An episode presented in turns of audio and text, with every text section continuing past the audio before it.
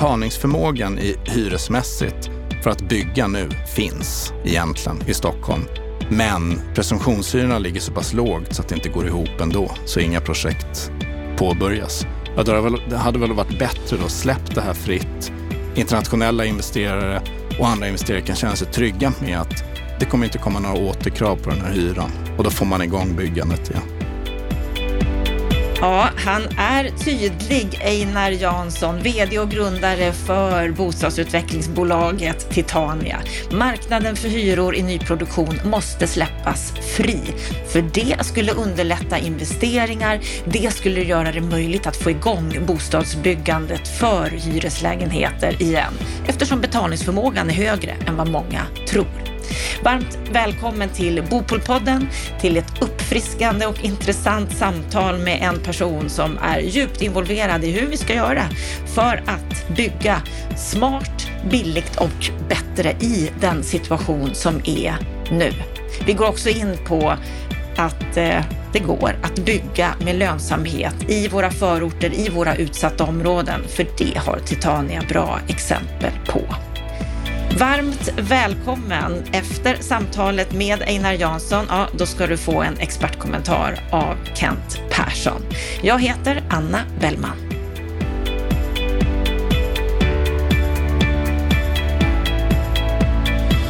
Marknaden den är ju minst sagt speciell just nu. Hur mår man egentligen som fastighetsutvecklare i dessa tider och hur ser planerna ut framåt?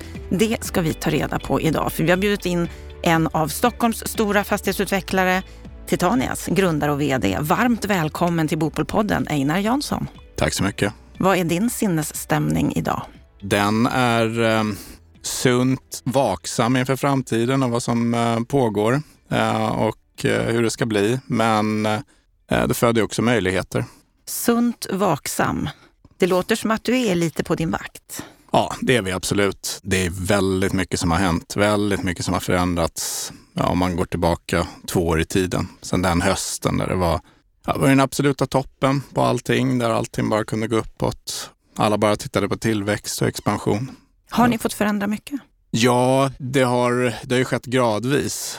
Man får inte förändra för mycket heller, för vi vet ju inte när det kan vända. Men jag tycker väl att det senaste halvåret så har man gått från att man har förväntat sig att saker ska hända till att det faktiskt har hänt saker. Så har det blivit så hemskt som du hade kunnat förutspå? På vissa sätt ja. Framförallt kanske vad, eh, vad det gäller marknaden för att sälja bostadsrätter, lägga lån i föreningar och hela det. Den, den marknaden för nyproduktion är stendöd. Samtidigt så eh, vad det gäller hyresnivåer till exempel i, i nyproduktion så, så är det snarare ännu mer efterfrågan än vad man kanske räknade med. Vi ska återkomma till just den frågan. Men först, eh, när jag läser om er på nätet så står det om er, eller ni skriver om er själva, att Titania är en snabbväxande aktör inom fastighetsbranschen och har på några få år etablerat sig som en stadsbyggare med kapacitet att genomföra stora stadsutvecklingsprojekt. Att ni grundades 2005 och har sedan start drivits med ett geografiskt fokus på Stockholmsregionen. Stämmer det fortfarande? Är ni fortfarande snabbväxande? Ja, det var ju faktiskt en bra fråga. Jag tycker nog fortfarande att vi är det i, i termer av eh, att vi, eh, vi är fortfarande aktiva i att vilja starta stora eh, stadsutvecklingsprojekt i Stockholms kommuner. Däremot inte expansiva i den mening att vi ska ösa in pengar och göra det så väldigt snabbt, utan nu handlar det väl mer om att ja, det här är en bra tid att få nya projekt, men kanske inte att gasa på för att få den här detaljplanen klar så snabbt som möjligt. Hur stora är ni? Vi har ungefär 500 bostäder under egen förvaltning i Stockholmsregionen. Eh, Några är inte riktigt klara, de blir klara i slutet av november. Vi har eh, närmare 3500 byggrätter i olika skeden av, eh, av utveckling. Så oftast så, så eh, är de här byggrätterna i rätt så sena skeden av detaljplanen. Så antingen antagen detaljplan eller till och med lagakraftvunnen. Sen har vi några projekt i tidiga skeden också. Ja, och det som är speciellt med er, eller det delar ni med några andra, men, men ni gör ju allt ifrån att utveckla till att förvalta. Det gör vi, precis. Så vi utvecklar, driver detaljplaner själva, egen personal, så har vi egen produktion också. Vi har inhouse en fabrik som producerar för det projekt som vi håller på med nu i, i Täby, trämoduler. Och sen så förvaltar vi det som vi har byggt. Vad skulle du säga är speciellt mer? Jag tycker att det är speciellt att vi kommer från en genuin entreprenadbakgrund. Vi eh, var uteslutande entreprenörer som byggde åt andra fram till eh, 2014 egentligen, när vi började. Vi gjorde, började vårt första nyproduktionsprojekt i egen regi. Sen har vi alltid gjort mindre projekt själva, men då har det handlat om att köpa någon råvind från en bostadsrättsförening och bygga om. Men vi kommer från det här och det, det innebär att vi kan kostnadskontroll, vi kan eh, tidsplanering i projekt, alla de här delarna som kanske ett mer finansiellt inriktat eh, bostadsutvecklingsbolag som många har varit eh, under de senaste åren kanske inte behärskar ner på riktigt på skruv och mutternivå. Om man läser på om dig, Einar, så, så får man veta att bli bostadsutvecklare, det var absolut ingen självklarhet för dig. Din första plan efter gymnasiet, det var att bli läkare. Berätta. Ja, så var det. Jag hade gått naturvetenskaplig linje och så eh, tyckte jag att eh, det skulle passa och så Eh, kom in på läkarlinjen på Karolinska.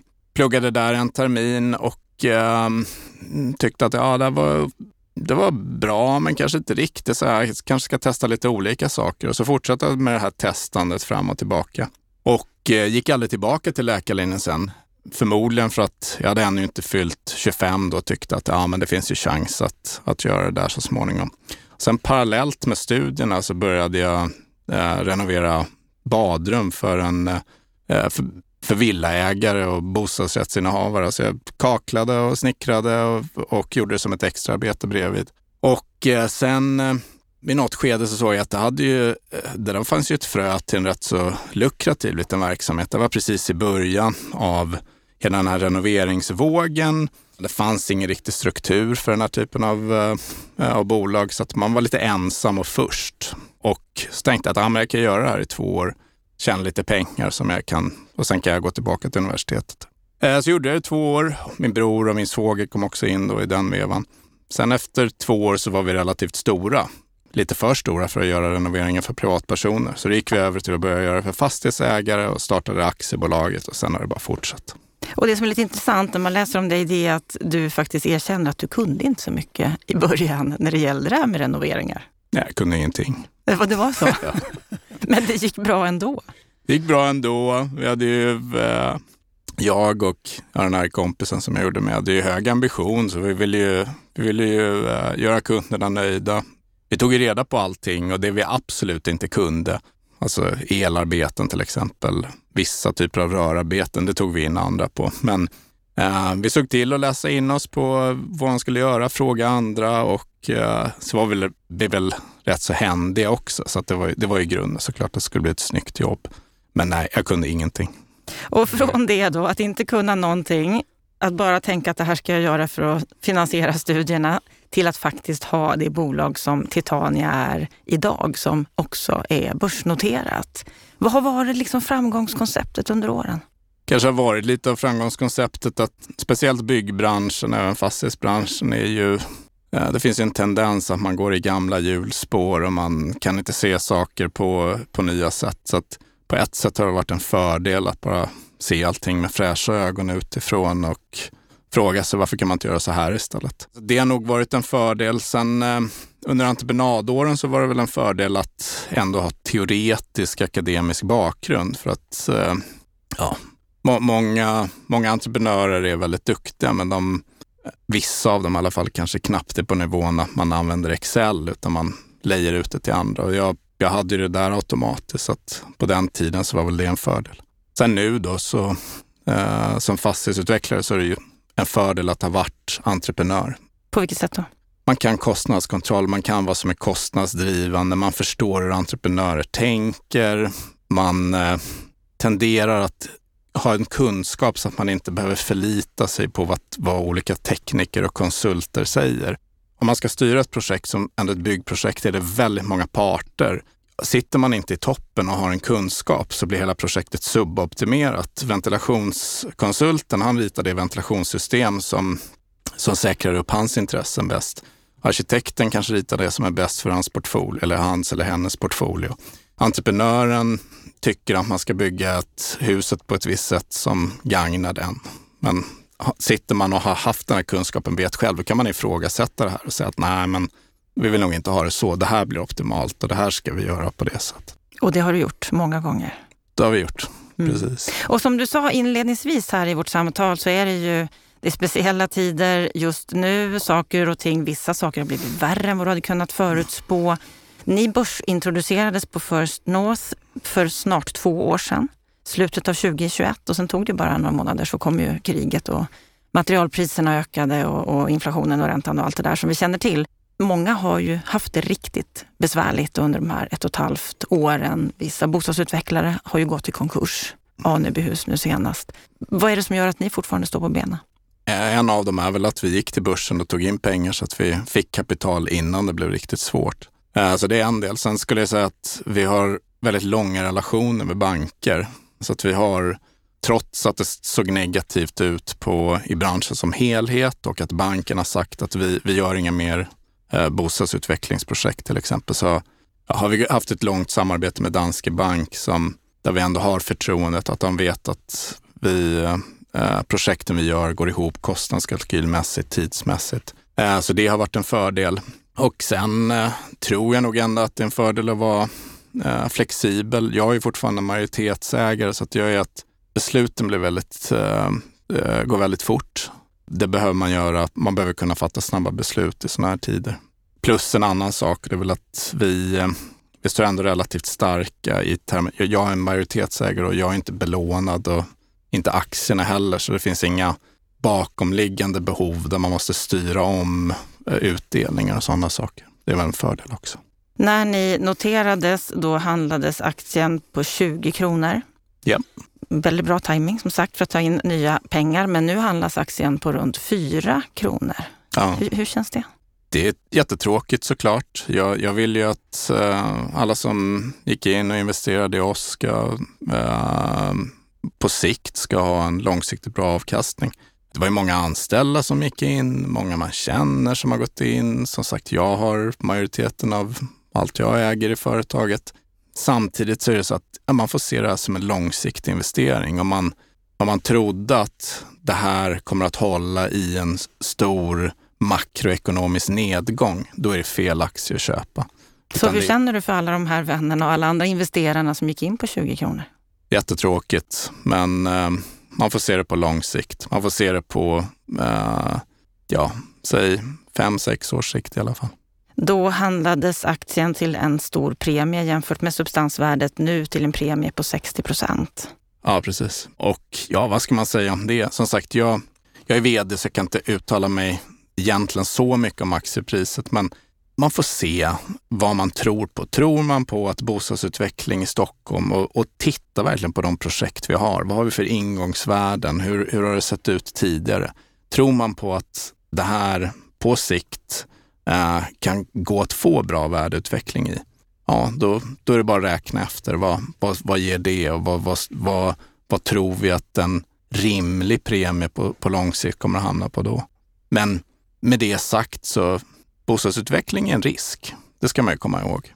Om man, om man vill ha en helt riskfri aktie, om, om det ens finns, ja då, då kanske man ska satsa på något annat. Det är bostadsutveckling och det går ner väldigt mycket i sådana här tider. Och det har ju gått ner otroligt mycket. Otroligt mycket. Samtidigt, som sagt, så är det, det är bostadsutveckling i Stockholmsområdet och det finns ju en viss, viss säkerhet i det underliggande behovet som vi alltid pratar om. Att det är rätt marknad ni är på menar du? Ja, det finns, det har under minst 30 års tid byggts för lite och samtidigt så har man eh, en ekonomisk tillväxt som är stor, en befolkningstillväxt som är stor. Så att underutbudet relativt efterfrågan ökar hela tiden. Och den kommer inte minst nu då, när man inte bygger någonting.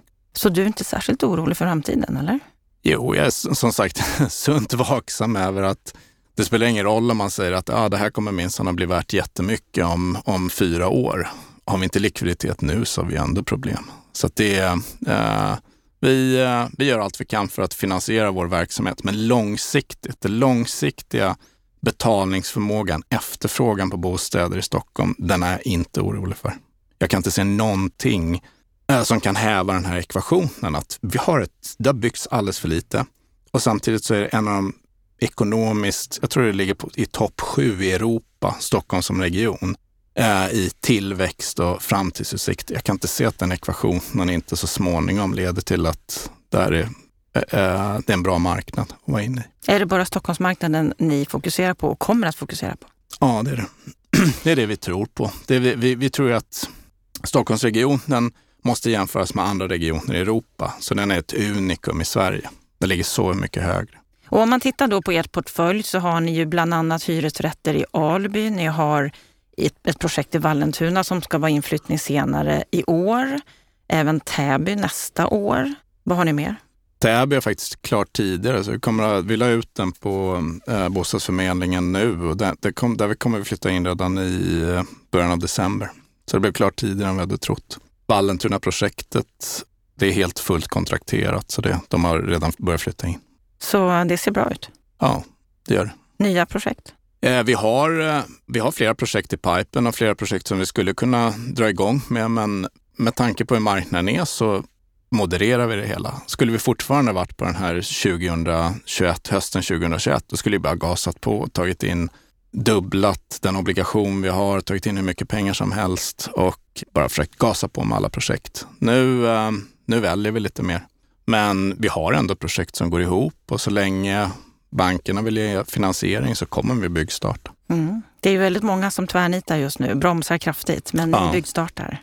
Vi har inte byggstartat något eh, just nu, det kan jag inte säga, men, men vi fortsätter på projekten. Det är inte så att vi pausar alla detaljplaner eller så. Utan vi... Och tankarna på andra nybyggnadsprojekt, nyproduktionsprojekt? Du menar nya projekt eh, att ta in? Ja, vi är alltid intresserade av, eh, eh, av projekt, men däremot, och det, vilket jag tror är en fördel idag, man kan nog man kan förhandla till sig rätt så bra villkor för tillträden hos kommunerna. För att likviditet är en bristvara nu, så att vi vill inte gå in i någonting som drar likviditet. Och får vi försöka moderera det så att, så att vi kan spara in på det. I er Q2-rapport så skriver ni att tidpunkt för nästa produktionsstart är inte bestämd, men Titania kommer troligtvis att byggstarta projektet i Vallentuna-Rickeby under 2023. Ja, precis. Och det stämmer? Det ja, kommer ni göra? Vi äger redan marken där, så att det, det är inte så likviditetspåverkande.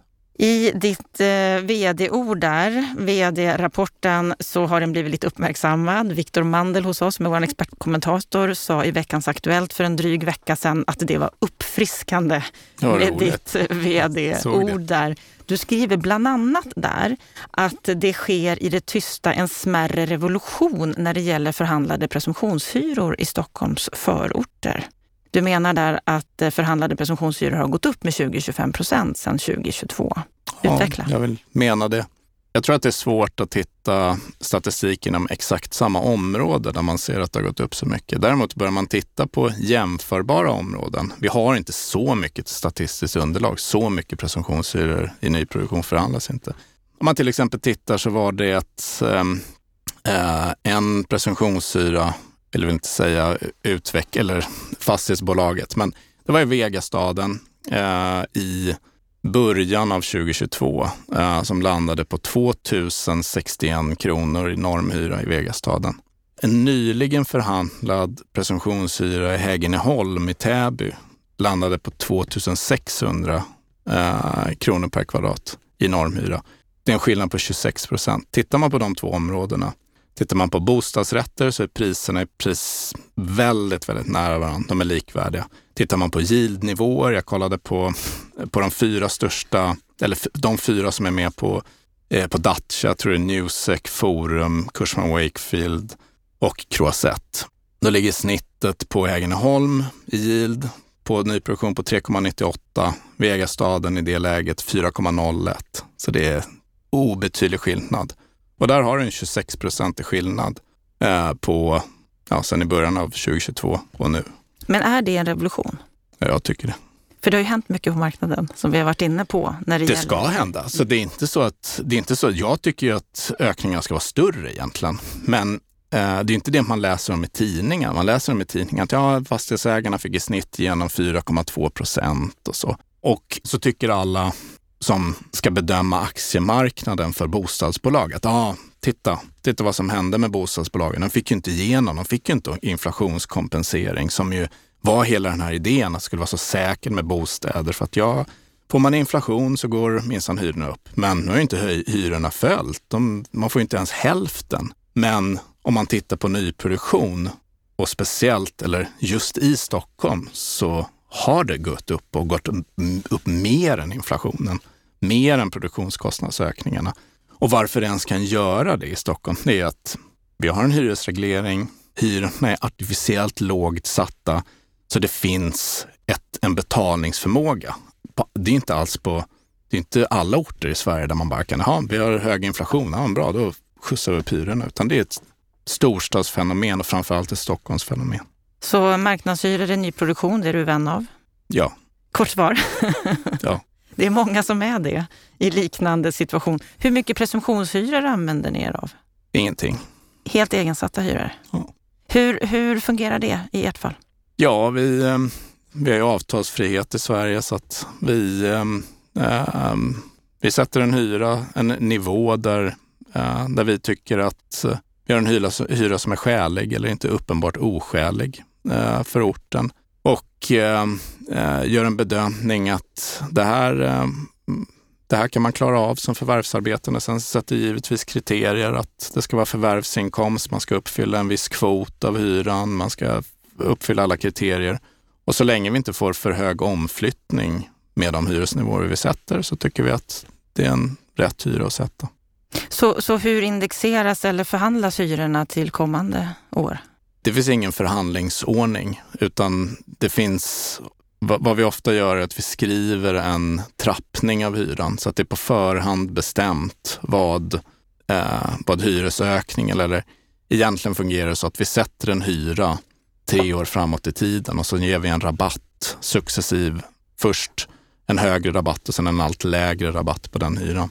Så det finns en förutsägbarhet för hyresgästen. Att man ser att ja, men oavsett vad inflationen blir så kommer jag att ha den hyran det året, den hyran det året. Sen ska jag säga att vi ser ju inte om, på omflyttning som andra ser på det, utan vi, vi ser ju att det är sunt att ligga på jag tror att idealt skulle det vara att ligga som Kojamo, alltså ett, som har marknadshyror i Finland. De ligger på 25 procent. För vad som händer då är att du får en naturlig omflyttning. Vi vet att nyproduktion kommer aldrig vara billigast, utan en hyresgäst som flyttar in eh, hos oss täcker ett behov som finns. Sen kanske man kommer ikapp i kötid, kan hitta något billigare i det befintliga beståndet ja, och så flyttar in någon annan. Det, det, är, det är vår nisch. Och i den här omflyttningen så får man ju också en successiv hyresökning. Den nya hyresgästen, där har vi en helt ny hyra, ett helt nytt avtal. Och när det gäller då hyressättningssystemet eller hyresförhandlingssystemet så tror jag att dagen, in, dagen efter vi sände den här intervjun mm. med dig så kommer trepartsöverenskommelsen att, att, att få några uttalanden. De har ju varit lite under lupp. Vad säger du om det hyressättningssystem vi har idag? Det är eh, totalt omöjligt att de dechiffrera. Det är totalt omöjligt att förklara. Det eh, finns inga absoluta kvantifierbara variabler eh, och är obegripligt för utländska investerare och om man om man verkligen frågar svenska fastighetsbolag och även andra på marknaden så är det ju omöjligt att förstå det heller. För att det, det bygger ju inte på absoluta parametrar. Man säger att man ska ha en, en bruksvärdeshyra eh, som handlar om standard i lägenheter men också ska ta hänsyn till geografiska variabler. Men i hur stor utsträckning ska man ta hänsyn till? Det är inte kvantifierat. Ja, det har ju varit mycket snack om det här systemet och att, att fastighetsägare inte har fått eh, kunna ta ut den hyra som de ville. Vi har ju varit inne på det. Och när det gäller just det här med, med eh, finansieringssituationen, du sa själv att det var bra att ni gick till börsen, då kunde ni ta in mm. pengar. Hur ser det ut nu? Men ni har vad jag förstår en ganska dyr obligation som löper ut nästa år. Mm. En tredjedel av er finansiering. Mm. Hur ser du på er situation framåt? Vi vill refinansiera den obligationen. Vi har sedan dess, sen vi gjorde den, så har vi eh, så har vi fått, eller vi har tagit fram ett, eh, tillsammans med Danske Bank, ett eh, eh ramverk för hållbara eh, obligationer. Framförallt så har vi ett, eh, ett, ett hållbart, det är dels grönt, alltså miljömässigt och dels socialt, vilket passar oss bra. Vi är ju de här i många utsatta områden eh, i förorter och där, kan, där vi verkligen har visat att vi har kunnat göra förändring. Vi tror att en sån produkt passar på obligationsmarknaden. Det finns en efterfrågan. Därför vill vi göra en obligation. Det är också bra för oss att visa kommunerna var, var kommer pengarna ifrån som finansierar ett projekt? Jo, det är ett auktoriserat ramverk där man har uppföljningskriterier för att det här verkligen blir så. Det är de pengarna som finansierar ert projekt här. Sen eh, ser ju marknaden ut som det gör. Vi kan inte vara 100% säkra på att kunna refinansiera obligationen. Vi tror att vi kommer att göra det. Vi har bra kontakter med befintliga investerare. Det är trots allt en befintlig eh, obligation som ska rullas, eh, men göras om till en hållbar eh, obligation. Och får vi inte igenom det, då får vi sälja tillgångar och eh, eh, hantera situationen. Finns det tillgångar att sälja? Vi har fastigheterna, så det är det främst. Det, det sista vi vill sälja är ju egentligen de utvecklingsprojekt där vi anser att vi har guldavtal och vi har suttit och satsat pengar i detaljplaner i sju, åtta års tid. Nu är de framme vid att de kan göra så väldigt fördelaktiga avtal med kommunen, ofta vad det gäller tillträden och där vi tror att vi på sikt kan göra de stora vinsterna. Det är som att passivt, passivt ägande av eh, hyresfastigheter är ju bra för oss. Vi vill förvalta, absolut. Men det är inte där de stora vinsterna kommer vara i värdeuppgångar på befintliga fastigheter, utan det är det nya vi bygger. Så kan det vara aktuellt att sälja era förvaltningsfastigheter i Alby Botkyrka? Vi är öppna för allting. Vi ska försvara vår position som bostadsutvecklare. Det är där de stora vinsterna kommer att kom till, komma till aktieägarna framöver. Så att det är i första hand om vi, om vi måste Mm. Eh, så säljer vi, uh, säljer vi de fastigheterna för att betala av obligationer. Och här, även andra lån såklart. För det här är ett område där ni har varit ute och snackat en del. Albyberget i Botkyrka, ett område som man ju tidigare har sagt att här finns det ingen betalningsvilja. Nej. Men ni har gjort 741 nya lägenheter, förnyad infrastruktur och visat att det visst går att få lönsamhet. Absolut. Vad är det ni har gjort där som har varit lyckat? Vi har byggt ytsmarta lägenheter och eh, byggt så många så att området har fått en helt annan typ av attraktivitet än det skulle varit om det bara hade varit ett litet infillprojekt. Hade det varit ett infillprojekt så frågar jag, kan ju köpare eller hyresgäst fråga sig varför ska jag betala eh, 25 procent i premium mot det där huset som, som står på andra sidan. Där. Det, det här är ju bara lite nyare. Men om man har 14 byggnader, då blir det ju ett lite ett speciellt område. Och, och vad vi har lyckats med, tycker jag, om vi får skryta lite, det är att det här området, även om det, det känns som ett premium inom området, så är det också så att befintliga boende tycker att de, det är deras område också. Det är deras torg. Så att det har ingått i området på ett sätt som och är så ovanligt. Exakt. Som är rätt så ovanligt. Ofta så, ofta så placeras sådana här områden kanske lite vid sidan om och då kanske det inte känns riktigt som det är del av området. Men här har lyckats med båda delarna.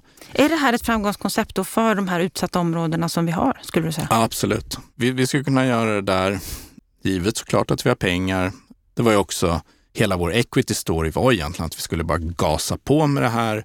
Det här skulle kunna finansieras genom obligationer till rätt så låga räntor. Det är ju håll, otroligt hållbart. Det i alla fall ett bidrag till den lösningen på som ett problem som hela Sverige pratar om. Det är kanske Sveriges största problem nu, vad som händer i de här eh, förorterna.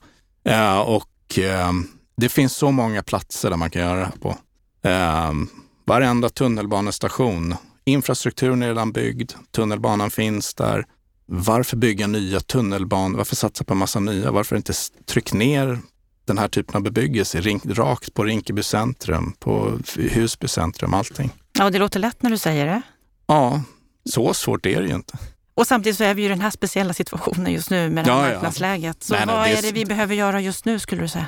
Ja, jag är emot alla typer av, äh, av bidrag. Jag tror inte på det. Jag är, inte, jag är inte emot fördelningspolitik, absolut inte. Men marknaden för hyror måste släppas fri för nyproduktionshyror. Om den släpps fri, då kommer det finnas en säkerhet från internationella investerare att de vet ju att betalningsförmågan finns, eller är väldigt säkra på det. Men de vågar inte investera när de vet att vi har någon form av hyresreglering i Sverige. Den följer inte det, det vanliga avtalsfriheten. Då, då finns det ett krav då att man måste, eh, man måste ha presumtionshyror och presumtionshyrorna idag ger inte eh, möjlighet att göra projekten. hade det varit så, jag tror, jag tror det är så här, betalningsförmågan i hyresmässigt för att bygga nu finns egentligen i Stockholm. Men presumtionshyrorna ligger så pass lågt så att det inte går ihop ändå, så inga projekt påbörjas. Ja, det hade väl varit bättre då, släpp det här fritt. Internationella investerare och andra investerare kan känna sig trygga med att det kommer inte komma några återkrav på den här hyran och då får man igång byggandet igen. Så ditt recept för att få igång byggandet igen, för att klara den här besvärliga situationen vi är i, det är att släppa hyrorna fria? Ja, det är det. Jag tror att en, ett problem med att många, även i branschen, vet inte egentligen vad betalningsförmågan är. Den är mycket högre än vad, vad många tror. Vad grundar du det på? Att vi har ägt eh, 246 hyresrätter i Alby under fyra års tid. Att vi har gett eh, relativt hårda kriterier för formen. Det är förvärvsinkomst, eh, två och en halv gånger årshyran är förvärvsinkomst.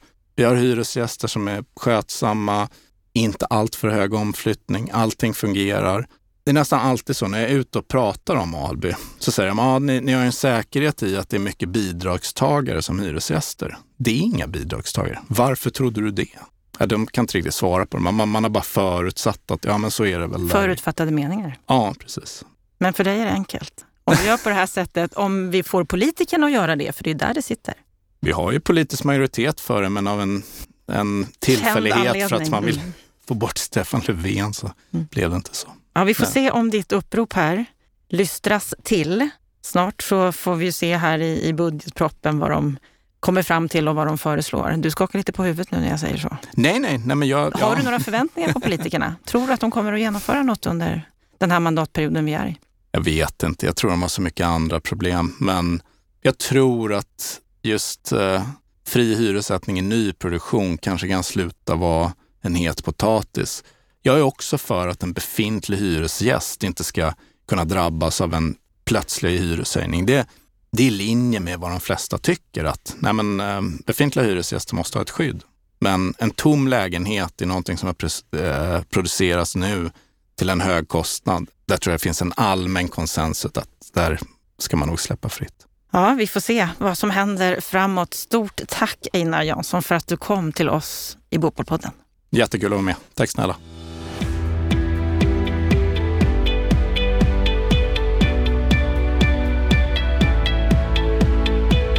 Ja, då har vi hört samtalet med Titanias grundare och VD Einar Jansson. Kent Persson, vad säger du om det här samtalet? En uppfriskande intervju och eh, ett uppfriskande samtal. Eh, Einar Jansson är ju i allra högsta grad self-made och det måste man ju i grund och botten beundra, att han har liksom byggt upp det här företaget själv. Men han har också gjort det via en väg som han just berättar att han eh, kan väldigt mycket av hantverket när det handlar om bostadsutveckling och bostadsbyggande. Och det där tror jag är en enorm styrka för bolaget, att ha en sån stark ägare som också faktiskt kan hantverket, inte bara det finansiella systemet, utan faktiskt kan prata och behärska själva liksom, hur utvecklar man det så att det blir effektiva och bra bostäder? Och det där tror jag också gör att eh, han kan alldeles säkert leda det här bolaget till att bli ett ganska framgångsrikt bolag över tid eh, om han bara klarar av den här svåra pucken vi är inne i. Alltså det, det, är tufft nu för alla bostadsutvecklare. Klarar han det, då tror jag att det här kommer att bli en stor succé. Han låter ju rätt optimistisk när det gäller det. Ja, men det gör han och det känns också som att han inte har satt sig på en sån risk som gör att han behöver ha finansiering.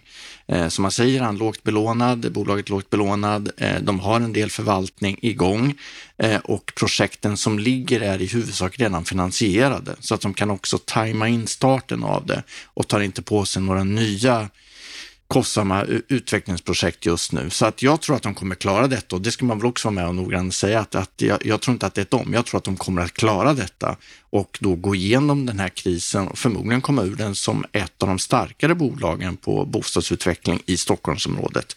Och det behöver vi sannoliken. Starka bolag som törs investera i Stockholmsområdet i nya hyresrätter.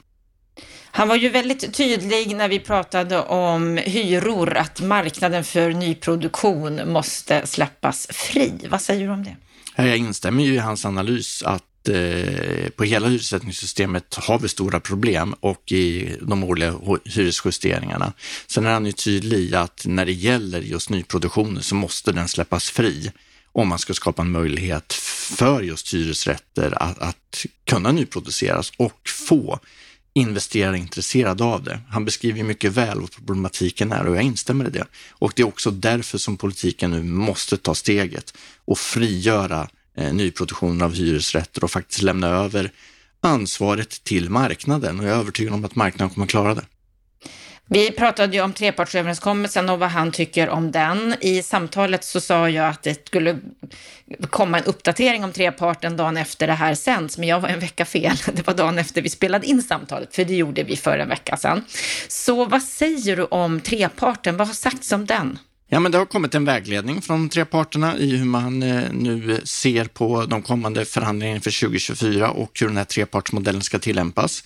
Man har korrigerat sig lite grann. I utvärderingen är det väldigt tydligt att förra året misslyckades. Det har ju i praktiken inte gjorts någon överenskommelse inom trepartsöverenskommelsen. Så framåt har man nu försökt att Eh, klara ut detta och effektivisera det så att det blir liksom en gång i tre steg. Det första steget så ska man enligt då de här fem parametrarna plocka fram hur det ekonomiska underlaget ser ut inför förhandlingarna.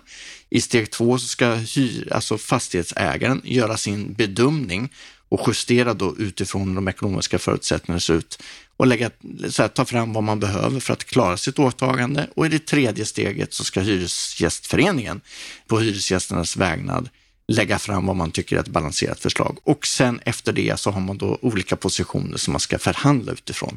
Vi får väl hoppas att eh, den här förhandlingsrundan inför 2024 kommer att fungera. För det är välbehövligt och vi behöver faktiskt få upp hyrorna så att vi får kostnadstäckning över tid. Det är ett ansvar som alla parter måste ta. Alltså allmännyttan, de privata fastighetsägarna och Hyresgästföreningen. Görs inte det, då är risken att hela modellen undergrävs och vi får problem med investeringar in i befintligt, eh, befintligt bestånd i hyresrätter i Sverige. Så att vi måste få förhandlingsmodellen att fungera. Mm, och helt kort då, med tanke på hur turbulent det har varit kring alla förhandlingar året som har gått här, kommer det att fungera? Jag tror att eh, utmaningen är jättestor. Vi är fortfarande i ett läge där räntorna är väldigt höga och fortsätter att stiga. Inflationen har gått ner väldigt lite och vi har stora kostnadsökningar. Vi ser också runt om i landet hur fjärrvärmekostnaderna nu stiger otroligt kraftigt. Och det här gör ju att sannolikt behöver vi ha en ännu högre höjning än vad man begärde förra året. Och för de som kommer ihåg så begärde man förra året i storleksordningen 10 procent och snittet blev 4,5. Eh, man kommer behöva betydligt högre det här kommande året och jag har svårt att se att man ska nå överenskommelser på de nivåerna. Men jag hoppas att jag har fel.